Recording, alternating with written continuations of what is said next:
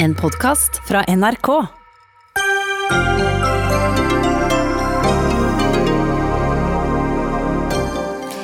Kontrollorganet til Norges Bank med skarp kritikk av ansettelsesprosessen av Nicolai Tangen som ny oljefondsjef, men kommer egentlig noe til å skje med den ansettelsen? NVE og Fylkesmannen ville stoppe vindkraftutbygger i Nordland for å gi plass til flytting av rein, men Olje- og energidepartementet lot utbygger fortsette. Dette er ikke tillitvekkende, sier sametingspresidenten, som møter departementet til debatt i Dagsnytt 18. Flyktninger mangler tilgang til helsetilbud under koronakrisen pga. manglende ID. NOAS vil bruke koronaloven for å hjelpe dem. Og tidligere landbruksminister Jon Georg Dale fra Fremskrittspartiet ber klima- og miljøminister Sveinung Rotevatn om å legge Klimakur-rapporten i en skuff.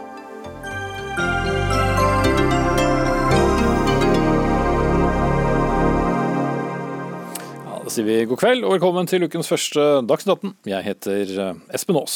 Og først i denne sendingen så skal vi starte med representantskapet til Norges Bank, som i dag kom med skarp kritikk av ansettelsesprosessen rundt Nicolai Tangen som ny sjef for oljefondet, eller Statens pensjonsfond utland, som du heter eh, offisielt. Kritikken eh, får Norges Bank med seg til sitt hovedstyremøte 27. mai. Og svært uheldig er et uttrykk du har brukt i dag, Julie Bråttkorp, leder av representantskapet selskapet. Og konklusjonen deres har vært at det ikke har vært nok åpenhet, noe dere oppfordrer til videre. Men hva konkret må Norges Bank nå åpne opp om? Ja, for det første så er det jo ikke jeg eh, som har brukt disse ordene. Det er et eh, samlet eh, kollegium i representantskapet eh, som da har kommet med merknader til hovedstyret ut fra de svarene vi fikk. Men alvorligheten er der like fullt om dere er samlet eller om du Des, Desto mer. Ja. og det vi er opptatt av er jo at man nå får sørget for, når man jobber med ansettelsesavtalen som skal opp i hovedstyret den 27. mai, at man da ikke lenger kan sette noen spørsmålstegn mellom interessene til Tangen privat eh, og oljefondet. Mm. Og så er det også riktig som du sier, at vi mener at det er særdeles viktig at Norges Bank ved ansettelser eh, følger offentlighetsloven, og at det her da eh, ser ut til at Tangen skulle vært oppført på den offentlige søkelisten tidligere. Men handler dette om slurv? Fra Norges Banks side, eller eh, var det gjort med overlegg? Altså, hva, hva, det handler om, er ikke vår, eh, vår, oppgave å mene noe om. Eh, vår oppgave er å ha tilsyn med det som er gjort, og komme da med merknader hvis vi ser ting som vi stiller spørsmålstegn ved. og Det er også det vi har gjort her. Mm. Men det er vel en, en, viktig forskjell på om dette var et uhell, eller om uh, de valgte å, å, ikke ha den åpenheten som dere utlyser. Men det er ikke representantskapets oppgave å ha noen mening om hvorfor uh, dette uh, skjedde. Det er vår oppgave å påpeke hva som har vært gjort eventuelt feil. Mm.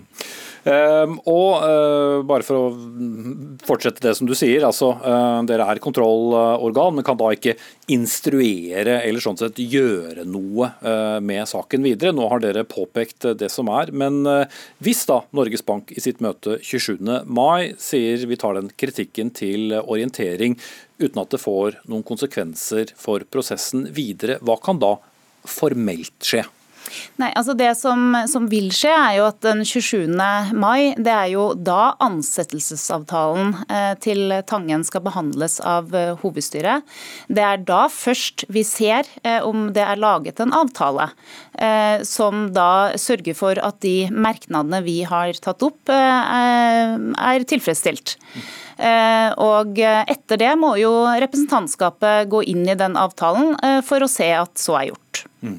Men kan politikerne velge å ta affære? Vi har sett flere politikere sagt at dette er en sak som må opp i, i, Stortinget. Men så er det noe med hvor mye skal politikere blande seg eller ikke blande seg inn i en sentralbank. Men altså rent formelt. Ja, Det er heller ikke rollen til representantskapet å mene noe om hva politikere skal gjøre eller ikke gjøre. Men det kan, det er jo bare det jeg prøver å få en klarhet i. Ja, altså, eh, representantskapet er et organ utnevnt av eh, Stortinget. Eh, til vanlig så rapporterer vi en gang i året til Stortinget, og er også i en åpen høring. Men sentralbankloven åpner for at ved behov så kan også representantskapet rapportere hyppigere til Stortinget. Mm. Og Da kan Stortinget velge å, å agere på det. Men denne uh, biten av det som handler om hans egne investeringer og hans egne uh, eierskap, hvor klare svar forventer dere der fra hovedstyret? Det vi har fått i svarene som vi har fått til nå, er en rapport fra hans private advokat hovedstyret har svart at, eh, at, de føler seg trygge ut fra den dokumentasjonen de har. Men representantskapet har, stilt, har eh, da eh, kommet med en merknad om at man trenger total transparens, slik at det ikke kan stilles spørsmål om det er interessekonflikter mellom slik man da etter ansettelsesavtalen organiserer hans private virksomhet opp mot oljefondet. Mm. Og der er det en, en, vei å gå, altså? Ja, så Der er det en, en vei å gå ut ifra de dokumenter eh, og de svar vi har fått. Mm. Og eh, bare for å gjenta det også, eh, rundt selve åpenheten ved ansettelsen av Tangen, altså hvor sent, eventuelt tidlig, navnet dukket opp? Ja, Det er viktig at en institusjon som Norges Bank følger offentlighetslova. og I denne saken så ble Tangen ført for sent opp på en offentlig søkeliste. Dere har jo da, som vi har vært inne på dette studioet tidligere, ansvar for omdømmet til Norges Bank med så mye oppmerksomhet rundt selve ansettelsen allerede, uavhengig av hva konklusjonen måtte bli videre. Vil du si at omdømmet er svekket? Vi har eh, ansvar for å føre tilsyn med omdømmet til Norges Bank eh, opp mot brudd på lover og regler. Eh, så det er det eventuelt som er det vi skal se på av, av omdømmet. Men jeg tror ingen er i tvil om at den, denne saken over uker ikke er positiv for Norges Bank. Mm. Men vil det endre seg? Enten så blir jo da, eller forblir Tangen eh, oljefondsjef, eller tiltrer da eh, når han skal, eh, med den debatten som er der, og skulle Norges Banks hovedstyre komme til en annen eh, konklusjon, så vil vel heller ikke det virke godt inn på omdømmet. Eh, jeg er ikke leder representantskapet for å sitte og synse om hva som kan skje, men representantskapet mener at hvis eh, man oppfyller eh, de merknader som vi har kommet med, så har man en ansettelsesavtale som, som gjør at det er full transparens mellom private investeringer og, og oljefondet. Så vi takk til deg, Julie Bråttkorp, som også er leder for representantskapet. Vi var tidlig i kontakt med Norges Bank i dag for å kommentere saken. De svarte at det vil de gjøre, men kun skriftlig. Og ifølge sentralbanksjef Øystein Olsen så pågår det nå altså et arbeid for å sikre at det ble etableres citat, nødvendig avstand slutt, mellom oljefondet på den ene siden og Tangens hedgefond AKO og Tangens personlige formue. Men det er jo over to uker igjen til Norges Banks hovedstyre skal gå inn i denne saken. Veslem Østrem, nyhetsredaktør i Vårt Land. Tilliten til sentralbanksjefen er svekket, skriver du i en kommentar om denne saken. Men hvor svekket er han? Jeg har påpekt det tidligere også at eh, han ikke kommer helt heldig ut av dette. Han har vært veldig uklar i diskusjoner rundt skatteparadiser, og har også nå vist at han har hatt tillit eller har opplevd at prosessen rundt ansettelsen har vært ryddig. Det får han nå veldig klar beskjed om at den ikke har vært. Eh, og Det er jo også Øystein Olsen, sentralbanksjefen, som har ansvaret for å sørge for at de etiske retningslinjene blir fulgt, og at eh, det, det omdømmet som Norges Bank er helt avhengig av, ikke blir svekka. Jeg vil si at han kommer nok vel så dårlig ut som Nicolai Tangen denne saken. Mm. Ja, for Nicolai Tangen eh, er heller ikke skyldfri, som du påpeker i, i samme kommentar. Nei, i, i denne, i det er et veldig overraskende kritisk representantskap vi, vi, ser i dag. Eh, de er veldig tydelige på at eh, den mangelen på åpenhet rundt eierskap og rundt formuer som Nicolai Tangen har, ved å bruke, bruke en del fond i skatteparadiser, både i sitt eget private formuesforvaltning og i AKO, det er ikke godt nok for, eh, for Norges Bank hvis han skal lede oljefondet. Mm. Gareth Michaelsen, ansvarlig redaktør for økonominettstedet E24. Det er en ganske unik sak at en sentralbank og en sentralbanksjef får eh, såpass med kritikk fra det organet som Stortinget har nedsatt for å følge med på det. Ja, det er ganske skarpe ord, og de bruker jo ikke så skarpe ord som redaktører bruker. Så til dem å være så er det ganske mye både i og mellom linjene her. Eh, og Det viser jo hvordan Norges Bank Det er jo lett å være etterpåklok, men det må jo ha måte, Det ser ganske naivt ut, den prosessen de både gjennomførte og også de tingene de har gjort og sagt de siste ukene pågående, når du da ser hvordan de får det her, på en måte den beskjeden de får i dag fra representantskapet. Eh, og som jeg spurte Brottkorp om, som hun da ikke ville svare på, men jo som unektelig er veldig interessant. Altså, Var de bare litt sleivete i prosessen, eller uh, var det aktive valg som ble tatt her? Det er jo ikke uvesentlig. Ja, det, det, er nok det å ikke føre en kandidat opp, på søkerlista er et aktivt valg. Uh, men det er jo et på en måte sleivet aktivt valg fordi at å bryte offentlighetsloven er litt som å kjøre i 120 hvis ikke politiet står der. Du blir ikke tatt og du får ikke bot. Og det er ingen som noensinne blir dømt for fengsel for å bryte en offentlighetslov, og det er for så vidt greit nok det. Men det er jo en sånn lov som det er greit å bryte, og desto høyere opp i, på måte, offentlig forvaltning kommer, desto enklere å bryte den, kan du si. Eh, så det er ikke helt eh, måte, ja, eh, det er ikke noe godt tegn for norsk forvaltning at det er så, så, greit å bryte den loven. Det er på en måte det ene spørsmålet. Det andre spørsmålet, som er det store og kanskje viktige her, er jo hvorfor. Altså, du kan for det første spørre hvorfor er det så viktig for et oljefond, som er et av verdens største indeksfond, å ha en hedgefondforvalter. Og så det andre spørsmålet, hvis det er så viktig å ha han, hvorfor må de på en måte bry seg om å lage eller på en måte, hvorfor må de lage sånn til, masse tilpasninger for å kunne få en ansatt? Når du slutter en jobb og begynner en ny jobb, så er det jo ganske vanlig ok, men da er jeg ferdig med jobben, da selger jeg aksjene mine der, og så begynner jeg den nye jobben. Eh, hvis Nicolai Tangen vil eh, bli sjef for oljefondet, så må han kunne få beskjeden som andre vil få. Greit, hvis du begynner her, så må du slutte med det. Kan han selge alle aksjene sine og sette det i et trygg bakkonto og betale sin formuesskatt med glede. Nå sa jo uh, Julie Bråttkorp uh, rett før dere kom inn at uh, hun mener at dersom Norges Banks hovedstyre den 27. mai følger denne ganske klare instruksen som kommer herfra, så er det sånn sett greit. Men det er jo fortsatt folkevalgte politikere som mener at denne prosessen er ugrei.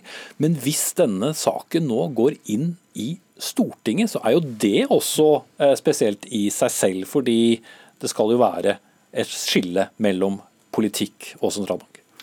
Det er jo derfor jeg har sagt at Norges Bank kan komme til å framstå som en bananrepublikk hvis, hvis eh, Nicolai Tangen ikke får den jobben han har, eh, han har nå fått løfte om å få. Nettopp fordi Norge er allerede kritisert fra en del hold om å blande politikk og penger i oljefondet. Og, og det er klart at Hvis Stortinget går inn nå og begynner å mene veldig sterke ting, så kommer det til å se litt rart ut i finanskretser. Samtidig syns jeg det er helt på sin plass at Stortinget snakker høyt og tydelig om åpenhet i skatteparadiser, og hva slags etiske retningslinjer en, en leder for oljefondet skal ha og følge. Mm. For det vil jo vise Garbjørn, at da har jo politikerne de har satt ned et, et organ som skal eh, se på, på, Norges Bank, og nå er det det de gjør. og så får det få de følgene de vil. Ja, denne saken bør ikke behandles i Stortinget, det tror jeg vi får håpe at vi unngår. Men det, eh, det, det som er spørsmålet her er jo om den oppgaven som representantskapet på mange måter har gitt hovedstyret i dag, om den kan løses. Spørsmålet er om det går an å finne en ordning som er levelig med en aktør, ikke med en aktør, men en som skal lede på oljefondet og samtidig være en aktør og i praksis eie og kontrollere store deler av et, av, måte, et så stort globalt hedgefond. Det er noen interessekonflikter der som er vanskelig å organisere seg bort fra. Eh, og ved å ha en av dine beste venner i styret som skal organisere det, er ikke gitt at det er ryddig nok, for å si det sånn. Eh, og Du har en situasjon her der du har et av verdens største fond, eh, og de bevegelser dette fondet, altså de bevegelsene oljefondet skaper i det globale aksjemarkedet, kan du på en måte Du skal ikke mistenke at noen ville gjort det, men du, du, du skaper bevegelser og du skaper på en måte aktiviteter som gjør at andre kan dra nytte av det og, og, og tjene på det.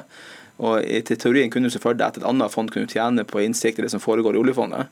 Uh, Nå tror jeg ikke det hadde kommet til å skjedd, men det viser jo hvilke interessekonflikter og hvilke bindinger som er vanskelig å ha med seg inn i en sånn jobb.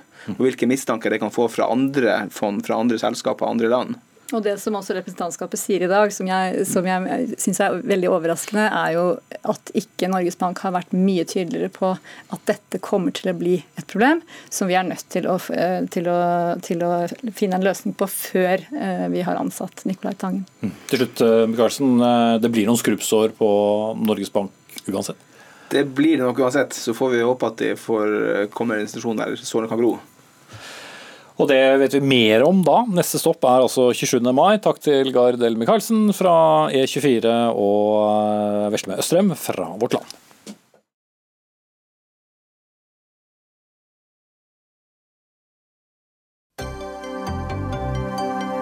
Dagsnytt 18 alle hverdager klokka 18.00 på NRK P2 og NRK2.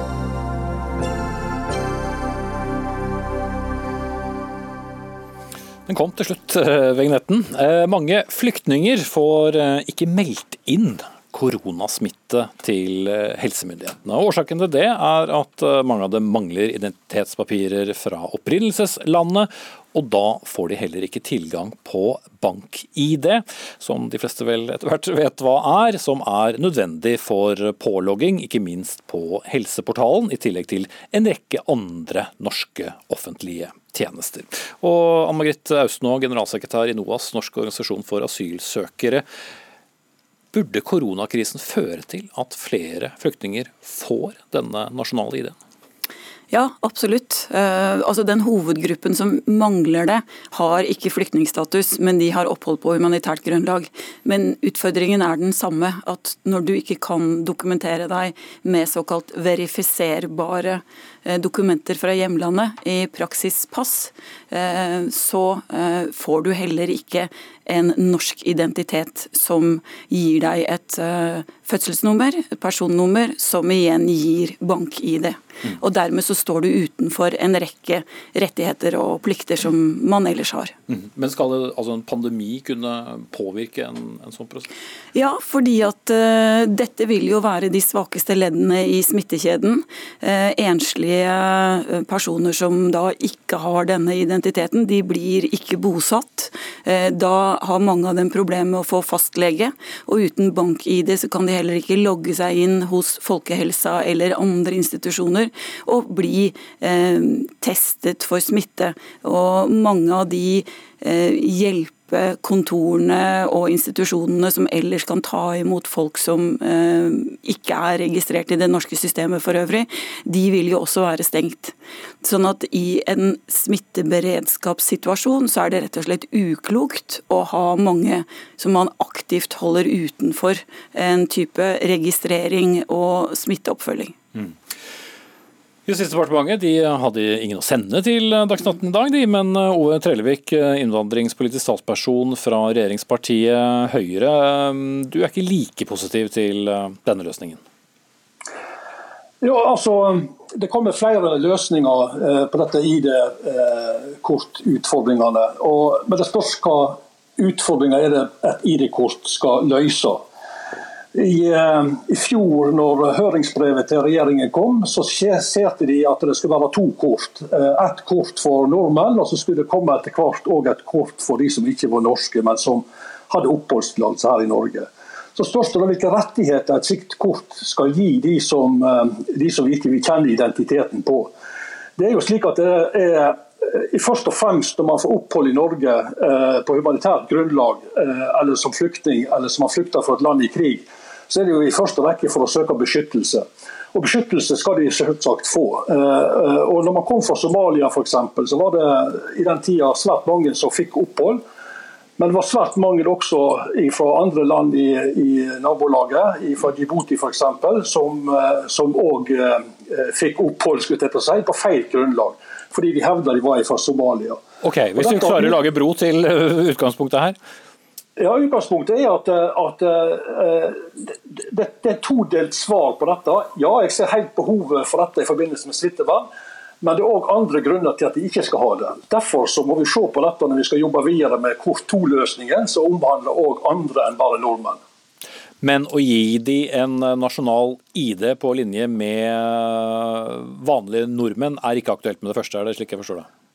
Nei, det, og det kan det ikke bli heller. Eh, for det første så er det at eh, det som gjelder for de som har norsk statsborgerskap, og gjelder for nordmenn, så er det en annen type kort som gjør at du kan reise i, EØS-land f.eks. Men det kortet som det er på tale å utstede for, eh, i, kort, i runde to, da, det er, da har du ikke utreisetillatelse. Men det er klart at dette er veldig krevende òg, nettopp fordi at eh, det er veldig mange som begår kriminalitet som har flere identiteter. og Dette må vi ha orden på. Kan ikke, staten kan ikke gå god for, for Gud og hver mann skal dette si, og utstede identitet på folk som ikke skal ha det. Så, Men så Poenget komme... var jo da å få et, en norsk identitet som igjen eh, gir deg mulighet til å opprette en bankkonto, som gir deg en bank-ID, slik at du kan bruke flere eh, offentlige tjenester. Ja, bank, bankkonto kan du opprette. Det, eh, Finans, eh, Finans Norge, eller Finansnæringen har jo retningslinjer for bankene på nettet, så det er fullt mulig å få til. Men eh, bank-ID er noe annet, og blir ofte brukt for, for, en rekke tiltak her for å logge seg på koronasmitte og en masse andre tjenester som man trenger. Og I den forbindelsen er det selvfølgelig relevant å se på hvilke tjenester skal mennesker ha som har opphold i Norge men som ikke, har, eh, som ikke vi kjenner identiteten på. Så Dette er et godt poeng eh, for å diskutere f.eks. dette med, med, med koronasmitte og, og, og, smitteberedskap. Men det stopper der, da, skjønner jeg. Aust Ja. Ja, altså Trellevik blander jo sammen eh, flere ulike grupper og begynte her innledningsvis å snakke om folk som får tilbaketrukket eh, sitt oppholdsgrunnlag fordi de har fått opphold på feilaktig grunnlag. Disse er det jo ikke snakk om i det hele tatt. Dette er folk som har opphold, de skal bli i landet. Det sitter drøyt 1000 nå eh, i mottak, og delvis er noen av av dem bosatt, barnefamilier eh, og noen enslige mindreårige som fikk eh, opphold på humanitært grunnlag. Dvs. Si at de har fått opphold enten fordi de har en sterk tilknytning til riket, det gjelder særlig barnefamilier, eller de har fått eh, opphold av sterke menneskelige hensyn. Det gjelder uh, de som har kommet som enslige mindreårige. Og Da har samfunnet et valg. Skal vi aktivt holde dem utenfor samfunnet? For det er ikke så lett som Trellevik sier at det er generelle retningslinjer for Finans-Norge. Det er nettopp det det ikke er. Sånn at det er svært ulikt hvorvidt folk får tak i en bankkonto. Og uten bank-ID så får ikke ungdom tatt førerkort. De får ikke gjennomført praksisperiode, de får ikke fullført utdanning, de får ikke studielån. Kort sagt, de får ikke tatt ansvar ansvar for seg selv, som vi forventer at alle gjør. Sånn at her sier regjeringen to ting. De sier at ja, du får oppholde deg her, og vi forventer at du så raskest mulig tar ansvar for deg selv, men nei, vi tar fra deg retten til faktisk å kunne gjøre det. Ok. Hans Christian Holte, direktør i Skatteetaten. Eh, du er også veldig opptatt av eh, dette spørsmålet, ikke nødvendigvis fordi du skal eh, ta stilling til norsk asyl- eller innvandringspolitikk, men du mener at det er viktig at vi har en nasjonal ID som omfatter alle?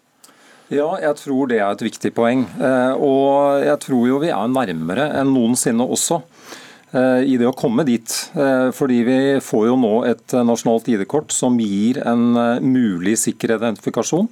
Vi får gode muligheter til å bruke biometri, vi får sikrere pass. Det er en rekke forhold. Eh, moderne, mulig sikker, sier du? Eh, et folkeregister som kom på plass i år. sånn at Mulighetene blir jo nå veldig gode for at eh, norske statsborgere får en sikker identitet. Eh, vi tror det er viktig at det gjelder alle, eh, også utlendinger som har opphold i Norge. Og Det er to grunner til det. i hvert fall. Det ene er jo rett og slett de rettighetene som er påpekt her, at de faktisk har problemer med å få, hvis ikke de har en sikker identitet. Det andre er jo at vi ser veldig mye i den type kriminalitet som, som treffer oss også, altså arbeidslivskriminalitet osv. At det å stjele identiteter, misbruke identiteter, er en vesentlig del av det. Så eh, her er det viktig at det ene gode formålet ikke slår det andre i hjel. Det er viktig at de som kommer til Norge får eh, bestemt sin identitet eh, i opprinnelseslandet best mulig. Det er det utlendingsmyndighetene som har et ansvar for. Men vi er opptatt av at når du kommer til Norge, så bør én identitet kunne følge deg i Norge. Hvis vi, kommet, hvis vi, kommer så langt, eh, og det har vi i grunnen en sånn felles oppfatning om er et mål, da kan vi løse en del av disse grunnleggende problemene med identitetstyverier, og også disse rettighetsutfordringene som eh, påpekes her. Mm. Så her kan vi eh, jobbe i flere spor. Trellevik. Ja, og Det er det som er, er poenget med det todelte kortet. skulle jeg si. En for de som er nordmenn og norske statsborgere, og en for de som har opphold i Norge. men som ikke vi kjenner identiteten til 100% Men får de da rett de samme rettighetene hvis du har eh, to nivåer på disse identitetskortene? Nei, eh, og det er gode poenger til òg. Nettopp det at ikke du skal kunne reise fritt i andre EØS-land uten at vi vet 100% hvem du er. Og så vil det være rekke andre ting òg som vil komme, komme til, til, til, vurdering. Men, men, det er jo disse som poenget her, at uh, departementet sitter og jobber med denne saka. Og hva, som, hva utfallet blir, vet jeg ikke. Men det blir jo sendt på en ordinær høring når saka er klar. Sånn at det blir eh, muligheter for, for alle interessenter å, å, spille inn dette i denne prosessen. her. Så viser jeg da til høringsbrevet som kom for et år siden. Der står det jo også dette beskrevet at man ønsker en sånn todeling av et sånt kort. Nettopp for å sikre at alle som er i Norge, eh, har de mulighetene som de har behov for. Eh, og så er det det beste for hele samfunnet. Eh, skulle jeg til å si, mm. Men litt åpent sett. hva det blir da? Holdt det? Ja, altså jeg, jeg, tror det med, med, å tenke to slike spor er, er fornuftig, og, og, og, det kan være en god løsning. Eh, men så det jeg kanskje er aller mest opptatt av akkurat nå, det er eh, timingen. Når vi får denne, denne, dette moderniserte registeret, vi får muligheten til å knytte altså biometri, eh, ansiktsgjenkjenning osv. til kortet, vi får dette nye kortet, da er det viktig at vi får med rett og slett de aller fleste som er i Norge på den løsningen. Så derfor, to spor, det kan være en god løsning, men det er viktig at det faller på plass nå, slik at vi ikke arver de identitetsutfordringene som vi har i det eksisterende, litt sånn mangelfulle systemet vi har, inn i disse nye løsningene. Det har vi nå en, egentlig en ganske historisk mulighet til å gjøre. Østene. Og Det er veldig viktig også at barn, det er nå 300 barn som er i den situasjonen, at de kan ikke delta i sportsaktiviteter fordi at kontingenten kan ikke betales inn uten en bank-ID. De kan ikke delta på cup i Sverige og Danmark, eh, de som slipper inn i fotballag eller håndballag eller deltar på skoleturer. Dette er barn som vokser opp i utenforskap. Eh, vi i NOAS har snakket med en god del barnefamilier. Der er det barn som har bodd hele livet i mottak, i snitt syv år. Det er ikke en oppvekst som gir en tilhørighet og en identitet og en trygghet på at det er her du skal bli, og det er her du faktisk har muligheter. Mm. Men Trellevik, akkurat det poenget med denne bankideen, da, som jo er en, forent av meg selv, en, en, en, en viktig inngangsport til, eh, til, mange tjenester. Hvor kritisk er akkurat den i det opplegget som dere ser på? Ja, det, er, altså, det, er jo veldig viktig at vi i mange områder kjenner identiteten til de som er i landet vårt. Og Skal staten gå god for identiteten din, så bør jo staten kjenne hvem du er òg. Så er det jo selvfølgelig en rekke tjenester som du har behov for for å fungere i samfunnet vårt. Og det er jo dette eh, Man på en måte må vurdere oppi dette.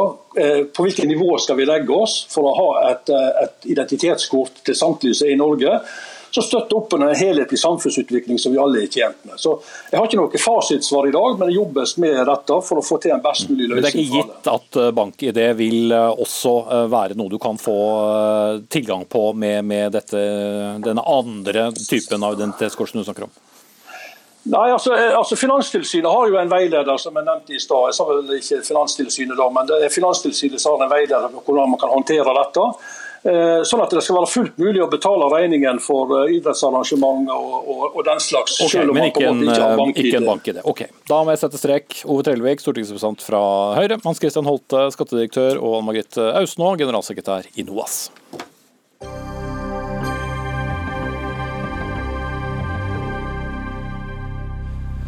Senere i denne sendingen skal vi diskutere detaljnivå i norske mediers dekning av Manshaus-rettssaken. Til oss kommer en forsker som ber om varsomhet for ikke å gi ideologien til mannen for stor oppmerksomhet.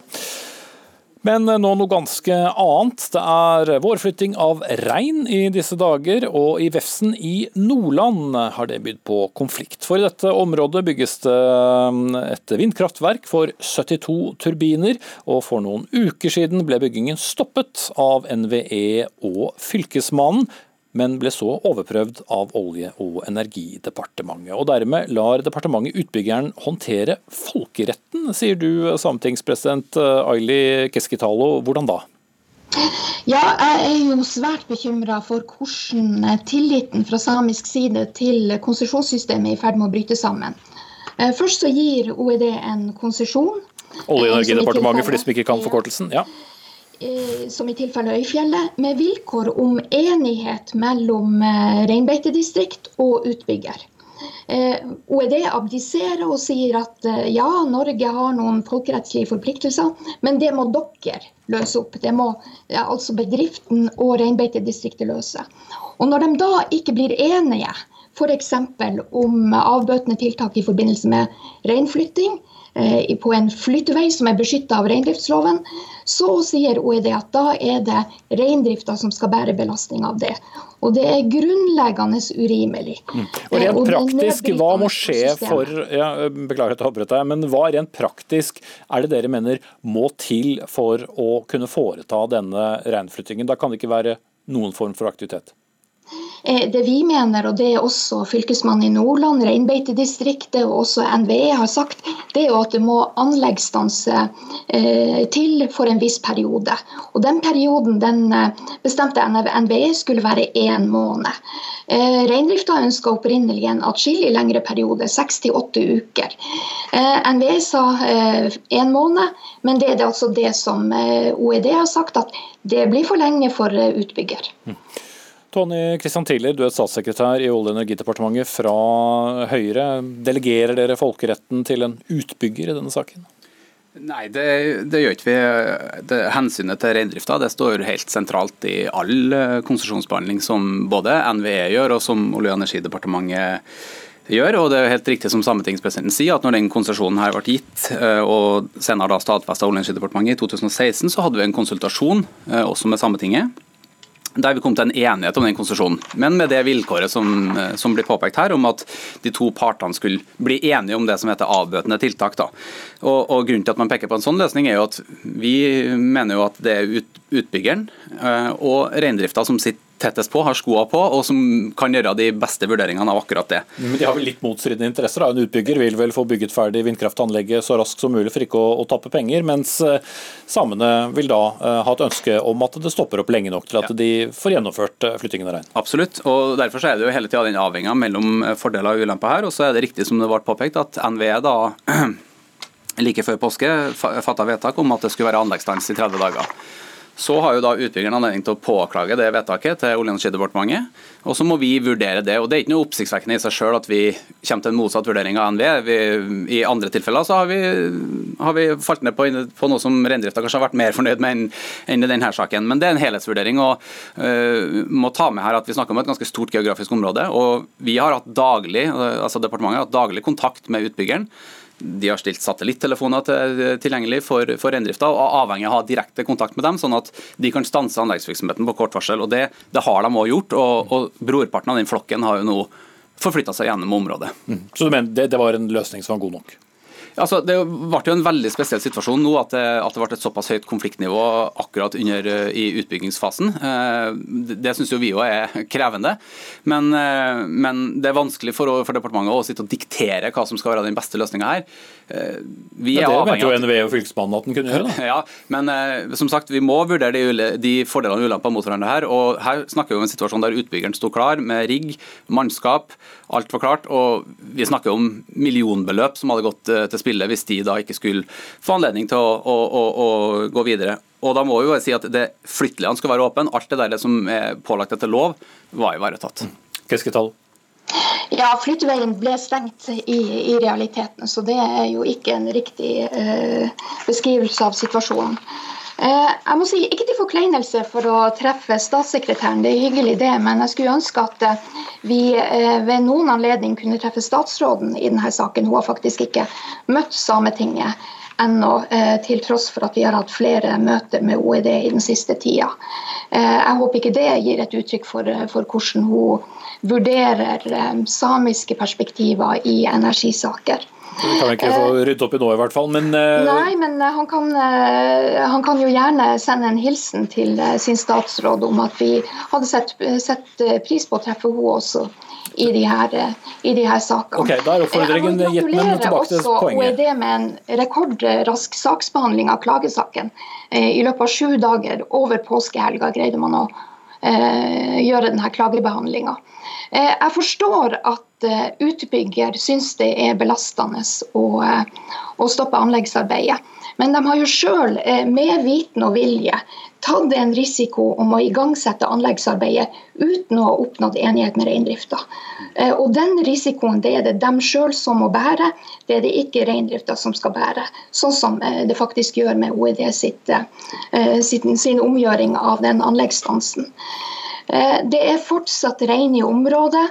Eh, det er eh, drektige simler, eh, det er nyfødte kalver. Og de blir forstyrra fra sin naturlige trekk mot vårbeite av dette anleggsarbeidet.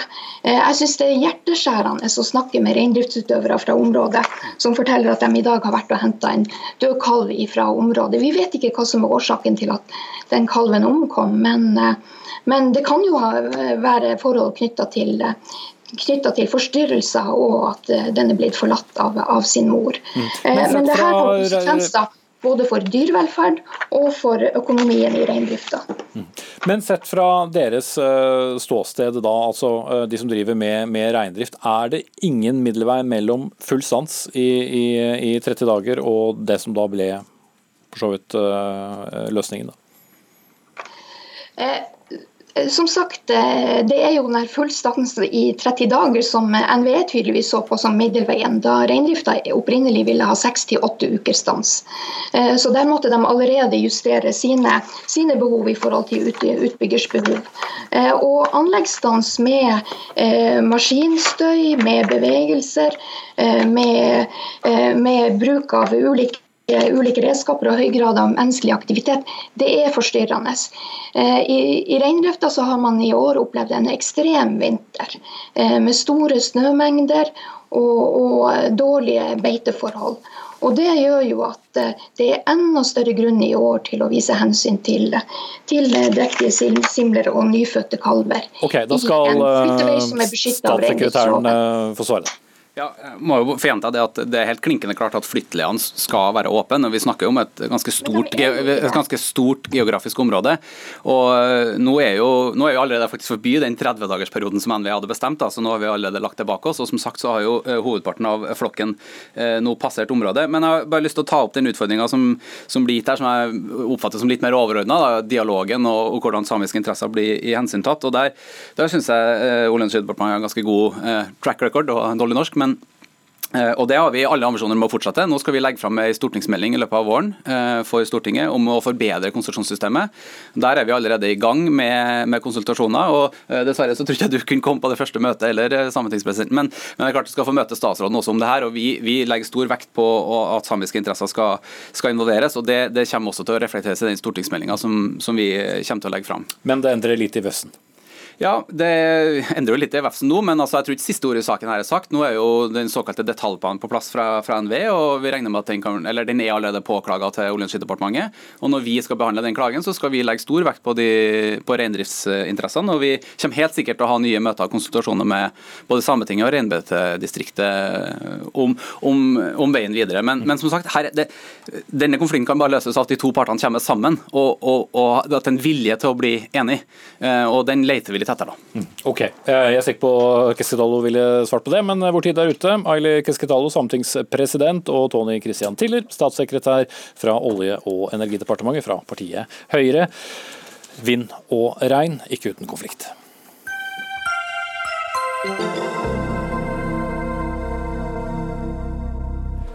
Da skal vi diskutere medienes dekning eh, av rettssaken mot den terror- og drapstiltalte Philip Manshaus. For det er blitt publisert mange detaljer, både om hvordan han drepte sin egen stesøster, og også hans egne begrunnelser for å gå til angrep på en moské i Bærum i tidligere Akershus. Ifølge tiltalen så ville Manshaus citat, 'drepe så mange muslimer som mulig'. Citat slutt, og I forklaringen sin la han også ut om hvordan, ifølge ham, den europeiske rasen er under angrep. Katrine Torleifsson fra Senter for ekstremismeforskning ved Universitetet i Oslo. Han og mange terrorister vil bruke rettssaken og media som en plattform til å radikalisere andre, hørte vi deg si i NRKs ukesluttsending på lørdag. Hvor eh, bevisste er pressen på at de også kan bli brukt som en eh, plattform for eh, formidling av, av en manns ideologi? Kanskje ikke bevisst nok. Altså, målet med en terroraksjon er jo også å få økt oppmerksomhet rundt budskapet, og også inspirere andre. Så da har jo media et stort ansvar å ikke reprodusere disse propagandapakkene som de ofte forbereder før et angrep. Mm. Men opplever du at mediene er ukritiske til hva de gjengir fra det som blir sagt i retten? Ja, De har blitt eh, mer bevisst i løpet av de siste årene, hvis du ser fra 22.07. fram til i dag. Men når det gjelder denne rettssaken, så har det vært kanskje noen ukloke publiseringer av bilder fra rettssalen, og spesielt når eh, den tiltalte terroristen viser et symbol da, som assosieres med hvit overmaktideologi. Mm. Men når det gjelder selve beskrivelsene av eh, det han forklarer, er det ikke interessant for et publikum å forstå hvordan en mann som da velger å gå til angrep på, på en moské, har, har, tenkt i forkant? Jo, absolutt, og det har jo allmenn interesse. Men den ideologien kan man fint forklare uten å bruke bilder. Fordi det som er Problemet er at disse bildene går tilbake i en propagandakanal og brukes til å radikalisere andre og inspirere andre. Og Det så vi også når det var rettssaken begynte mot den tiltalte terroristen på New Zealand f.eks. Mm. Bjørnøy Kalbakk, du er etikkredaktør her i NRK, en kanal som følger denne rettssaken eh, tett.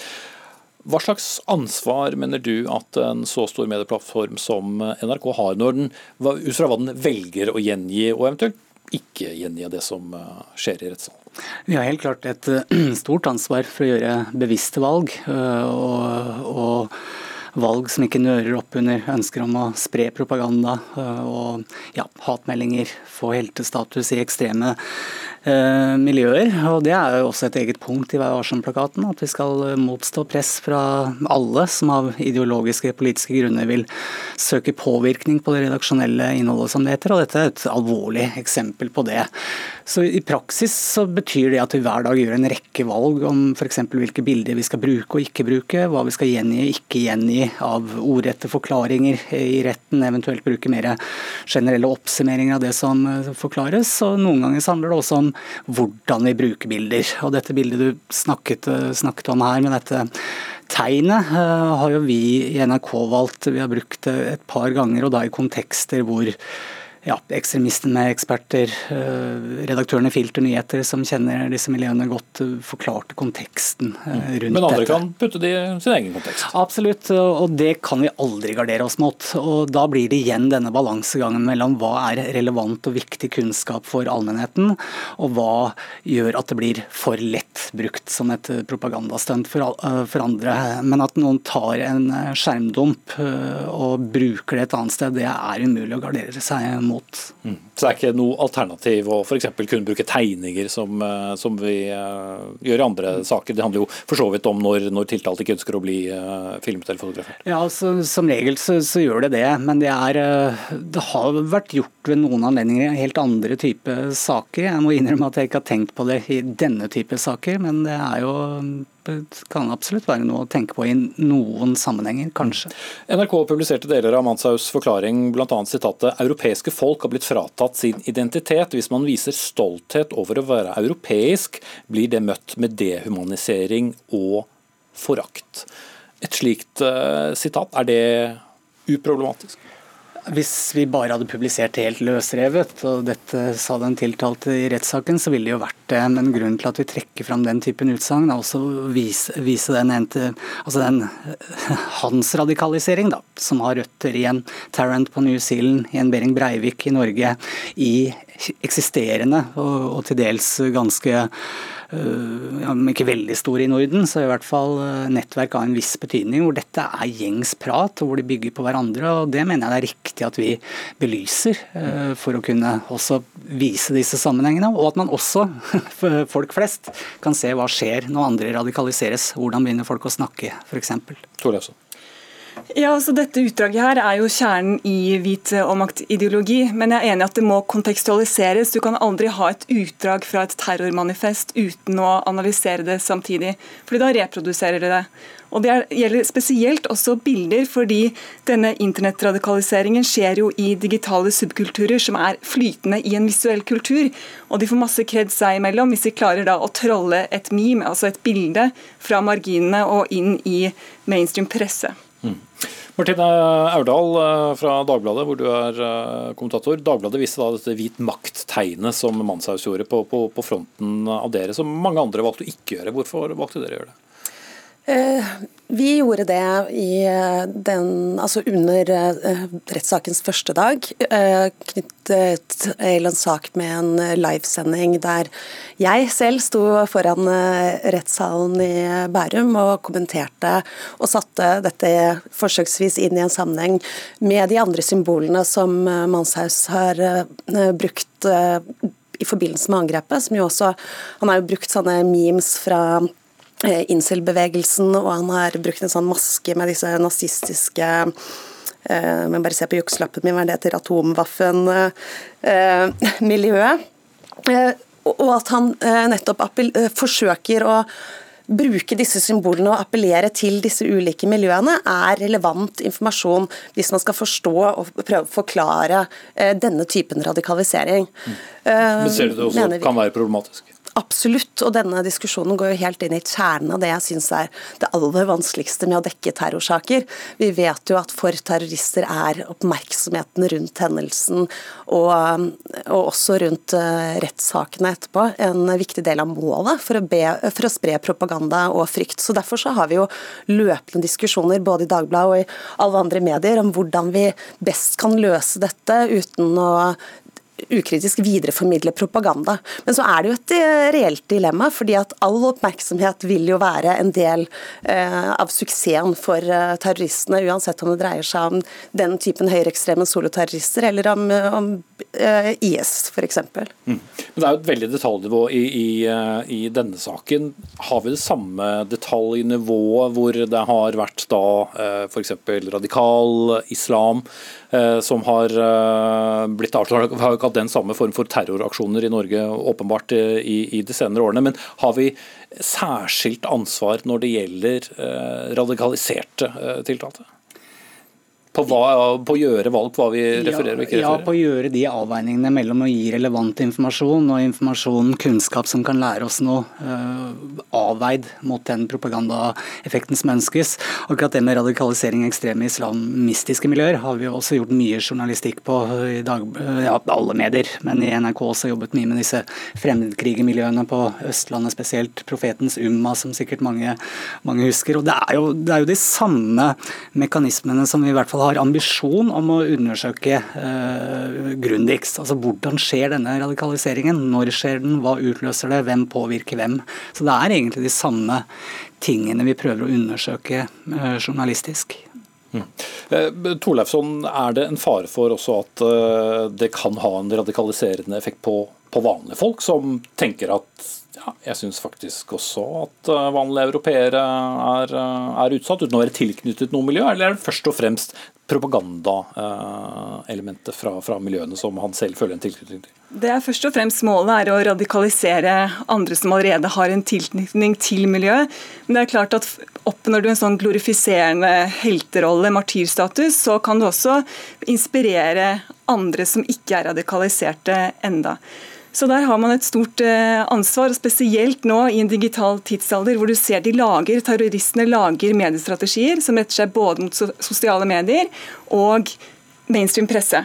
Og Sosiale medier er vanskelig å regulere, det er teknologiselskapene som holder på med. Men pressen, som har presseetiske retningslinjer og et råd, de har et større ansvar her.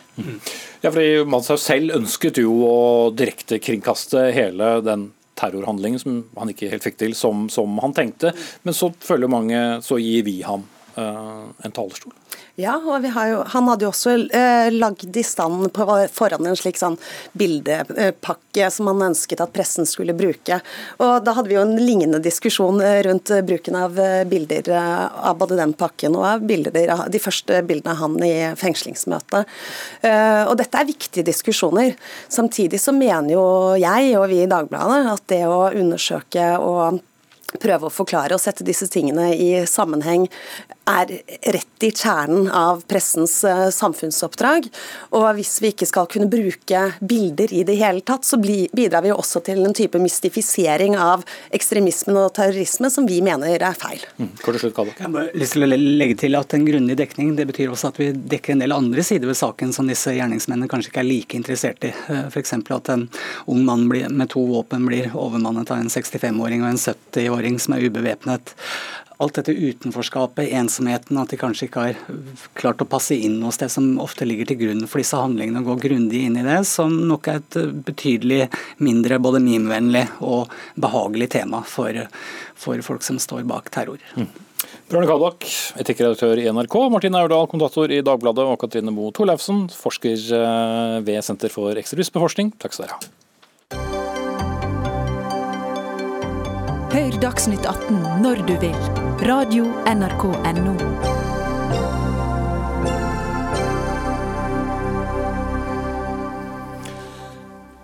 Til slutt i sendingen, Norges Bondelag advarer mot kjøttkutt som klimatiltak eh, i Norge. Det vil nemlig føre til at mange lokalsamfunn blir lagt ned, ifølge Bondeorganisasjonen. I regjeringens store Klimakur 2030-rapport vil anbefalingen om å spise mindre kjøtt føre til om lag 9000 færre gårdsbruk i løpet av bare ti år, ifølge Dagbladet. Klimakur-rapporten utreder tiltak og virkemidler som kan kutte norske utslipp av klimagasser i det som heter ikke-kvotepliktig sektor, med minst minst 50 da innen 2030, altså på ti år. Men denne rapporten er det bare en ting å gjøre med. Legg den i en skuff, ifølge deg, Jon Georg Dale, stortingsrepresentant for Fremskrittspartiet og tidligere landbruksminister. Var den så dårlig? Ja, disse tingene her viser jo enorme konsekvenser av svindyrs svindyr symbolpolitikk, som eh, er det som er foreslått i Klimakur. Men er det bare symbolpolitikk? Ja, altså Hvis vi tror at vi redder verdens klima med å fase ut den norske tyra. Da har vi bomma fullstendig. Men Det er ikke det som står, at den redder hele verden med bare det? Nei, nei men, men, poenget er jo at når en sier at vi skal kutte betydelig i norsk jordbruksproduksjon, som i hvert fall vi i vår regjeringsperiode brukte ufattelig med tid på å bygge opp, vi hadde jo store importbehov for eksempel, på sau og lam. Vi klarte å øke den norske produksjonen. Så ble det mye sau, da? Vi hadde store, vi hadde store importbehov på storfe. Vi klarte å øke produksjonen. Og Grunnen til at vi gjorde det, er at vi i punkt 1 skal ha høyere grad av selvforsyning. Punkt to, når vi produserer mer av maten sjøl, så slipper vi import. Og punkt tre, så bidrar vi jo, eh, mener jeg da, eh, åpenbart til en mer bærekraftig matpolitikk når vi eter norskprodusert lam framfor importert avokado fra Peru. Og Det er jo det som til sjuende og sist er poenget. Eh, jeg mener jo at det som er forslaget i Klimakur, vil rasere store deler av norsk jordbruk. Det vil legge deler av norske bygg brakt, og det vil ikke redusere de globale utslippene eh, med noe som helst. Det eneste vi får, er politikere og byråkrater som skal bestemme hva vi skal på middagstallerkenen. Det er en usedvanlig dårlig idé. Ja, Sveinung Rotevatn, klima- og miljøminister fra, fra, Venstre. Jeg skal ikke spørre om du vil skrote den Klimakur 2030, for da, det tror jeg vet hva du svarer på. Men uh, hvor viktig er egentlig denne kjøttdelen av eh, Klimakur for, for utslipp? Den er i alle fall en viktig del av utslippene i Norge. Um, nå er jo jobben vår at vi skal halvere norske utslipp fram mot 2030. Det betyr at ingen må gjøre alt, men alle må gjøre litt. Uh, og Da er det viktig å gjøre tiltak i transportsektoren, bygg og anlegg, industri, og også jordbruket. Jordbruket er ikke noen ubetydelig kjelde til klimagassutslipp i Norge. Det står for ca. 8,5% Til sammenligning står f.eks. luftfarten for 2,5 så Derfor må vi gjøre tiltak i jordbruket òg. Den gode nyheten er jo at det er jo jordbruket med på. De har inngått en egen klimaavtale med oss i regjeringa. I tillegg så kom de med sin egen forslag til klimaplan for litt siden. Der gjennomgangstonen er at jordbruket ønsker å bidra. De ønsker å redusere sitt eget klimafotavtrykk. Og det tror jeg er bra. For det tror jeg også folk er helt enige med deg i, i motsetning til Frp. Men ikke så enig i Klimakur 2030? Klimakur 2030 er jo et faggrunnlag. Nå skal vi jobbe med det politisk, men det det faggrunnlaget sier, er at et betydelig potensial for å redusere utslippene i jordbruket innenfor mange ulike virkemidler. Det kan handle om f.eks. For forbud mot nydyrking av myr, som vi og Frp har stått sammen om i Stortinget. Et godt klimatiltak. Det handler om måter du drenerer eh, jordene dine på, men også kjøttproduksjon. Eh, fordi Eh, det å produsere rødt kjøtt det har ganske svære klimagassutslipp knytta til seg. Det skal ikke vi slutte med. Men det er klart de norske kostholdsrådene tilsier jo at alle skal ete, i alle fall vi menn da, i vår beste alder Jon Georg Dale, bør ete litt mindre rødt kjøtt. Det er iallfall det som er sunt for oss ifølge de statlige kostholdsrådene. Og det Fordelen med det er at det er også veldig bra for klimaet. Mm, ja, Det er jo det som er problemet. Fordi Jeg er jo enig i at det finnes massevis av ting jordbruket kan gjøre som er smart, både for å styrke matproduksjonen og for å redusere utslipp. Men eh, det å si at vi skal bytte ut norsk lam med Scampi som fortrenger mangroveskog i store deler av verden. Men så vel ikke det heller? Nei, nei men, men, poenget er at vi, vi, vi, skal altså ha proteiner. I Norge er vi et land som er basert på at vi har enorme utmarksareal med beite. og vi, Med mindre Sveinung skal begynne å sende folk på beite, så er det eneste måten å få sanka fôret på. Da sender storfe og småfe ut dit. Og Hvis vi får til det, så klarer vi å øke matproduksjonen. Og Spesielt i den tida vi er i nå, når vi ser verdien av å ha en egen matproduksjon, en forsynings, en heil, en helskapelig forsyningskjede som handler om primærproduksjon gjennom industrileddet, så vil vi jo hvis vi nå prøver å gjøre Tyra til det store klimaproblemet, så bidrar vi jo til å flytte ut arbeidsplasser. Vi bidrar til å redusere vår egen matproduksjon. Og verdens utslipp kommer ikke til å flytte seg en tødd eller i rett retning, fordi at f.eks. norsk jordbruksproduksjon er blant de mest klimaeffektive i verden. Det er på ingen måte noe mål å øke f.eks. kjøttimporten, for da har Jon Georg Dale helt rett, og da vil jo hele vinninga gå opp i spinninga. Men det, det er jo hele målet med hele Klimakur. I Klimakur så sier en jo en skal ikke legge vekt på at den, i hva grad en flytter utslipp. Det er jo ikke gjort utredning av det engang. og Det viser jo at, ja, viser at Klimakur er ikke egnet for å gjøre den type nødvendige prioriteringer mellom innenlandske utslipp og utslipp okay, men, men, selv om du nå skrur opp volumet, Jon Georg Dale, så viser det jo med all tydelighet at du har ikke lest Klimakur. For det ligger som en grundig forutsetning der at du ikke skal øke noe import. Tvert imot skal jobbe på etterspørselssida, slik at du legger om kostholdet i tråd med det staten sjøl sier er et helsemessig og trygt kosthold. Hvordan en gjør det, det får en komme tilbake til. Vi gjennomfører politiske prosesser nå, og høringer. Dette har mange sterke meninger om. Men jeg vil jo dra meg et godt eksempel. For eksempel, da Jon Georg Dale selv var landbruksminister, så la han jo opp til å styrke kanaliseringspolitikken, som det heter. Ikke sant? At vi gjør det mindre attraktivt å drive med produksjon av rødt kjøtt på flatbygdene på Østlandet. Der det ligger godt til rette for å f.eks. drive med kornproduksjon, frukt og grønt, ting vi ønsker mer av. Så jeg mener at det er viktig nå at landbruket ser framover og ser de store mulighetene som finnes i den økte etterspørselen som nå kommer etter frukt og grønt og korn. Og så ser vi også nå en nedgang i rødt kjøtt, ikke fordi politikere bestemte, men fordi folk ikke ønsker like masse av det som før.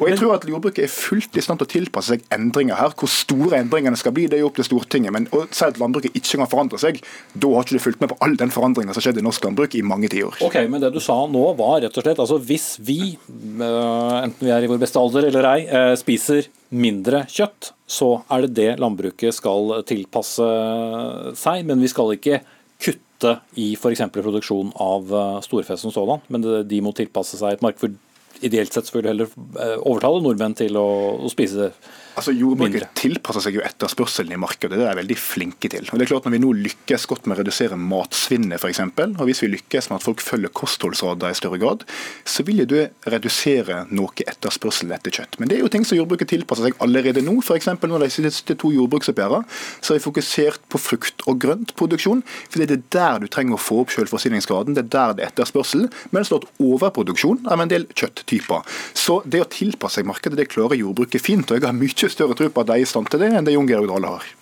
Ja, det er jo Grunnen til at vi er klart å stimulere til å få opp produksjon som gjør at vi er selvforsynt, det er jo at vi er klart å vri på knappene som gjør at vi har økt den innenlandske produksjonen. Og Det er det jeg hører at dere risikerer at vi setter i fare med den tilnærmingen ned til Klimakur. Og Da kan du gjøre en enkel avklaring.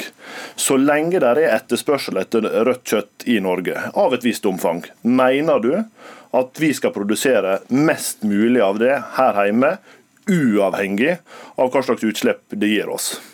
Ja eller nei? Jeg mener at vi skal drive med kjøttproduksjon i Norge. Og når vi skal jobbe med å kutte klimagassutslippene med 90-95% innen 2050, så tror jeg at noe av det som kommer til å være igjen av utslipp, er utslipp fra nettopp drøvtyggerne våre. For det er jo ikke mulig å bli helt kvitt. Du kan få gjort en del med det på avl og fôr og slike ting. Der er jordbruket masse bra nå, men å få det helt vekk, det får ikke du til uten å fjerne all kjøttproduksjon. Det er på ingen måte verken mitt mål eller regjeringens mål, men jeg tror det er mulig å legge om noe, slik at du kan styrke frukt- og grøntsektoren, korn, belgvekster osv. Men, men, dette kommer jo til Men du heller ha norsk storfe enn import av utenlandsk eh, kjøtt, hvis etterspørselen er der? opp opplevde jeg var ja, altså, hvis, det spurte om. Altså, det, dette sa jeg jo altså, Hvis du skal ha den samme etterspørselen til kjøtt i Norge, og du skal bare slutte å produsere det i Norge og importere det fra andre land, så er ikke det, det er ikke noen gevinst for klimaet. Så det er jo åpenbart et junkpoeng. Mm. Da fikk du jo svaret ditt. Ja, og Det er jo betryggende. og Da er jo Sveinung tilbake igjen med å gjøre det samme som jeg gjorde innledningsvis, nemlig å begynne å skyte hull på hele Klimakur. Det er veldig bra. Det, du, du, skal, du, skal få Jeg tror jo at det var forutsetninger. Men, nei, men, men, men, det, men, det, er jo det som er hele poenget. For det er, jo, det er jo det som er gjennomgangstonen i det. Det at vi eh, skal, helt uavhengig av hvor etterspørselen er, så skal vi begynne å fase ut vår egen produksjon. Det er meningsløst i en tid der vi trenger å styrke vår egen matproduksjon, også av beredskapshensyn. Det er en meningsløs landbrukspolitikk, og det er en distriktsfiendtlig politikk. og Det bør jo en mann fra Nordfjordeid skjønne. Okay. At det er bedre at vi er norsk Der kommer geografien, og da skal jeg uh, si takk til Sveinung Rotevatn, klima- og miljøminister fra Venstre, Jon Georg Dale, stortingsrepresentant for Fremskrittspartiet. Dag Dørum var ansvarlig for sendingen. Lisbeth Sellereite tok seg av det tekniske. Jeg heter Espen Aas. Vi ses igjen på samme tid i morgen.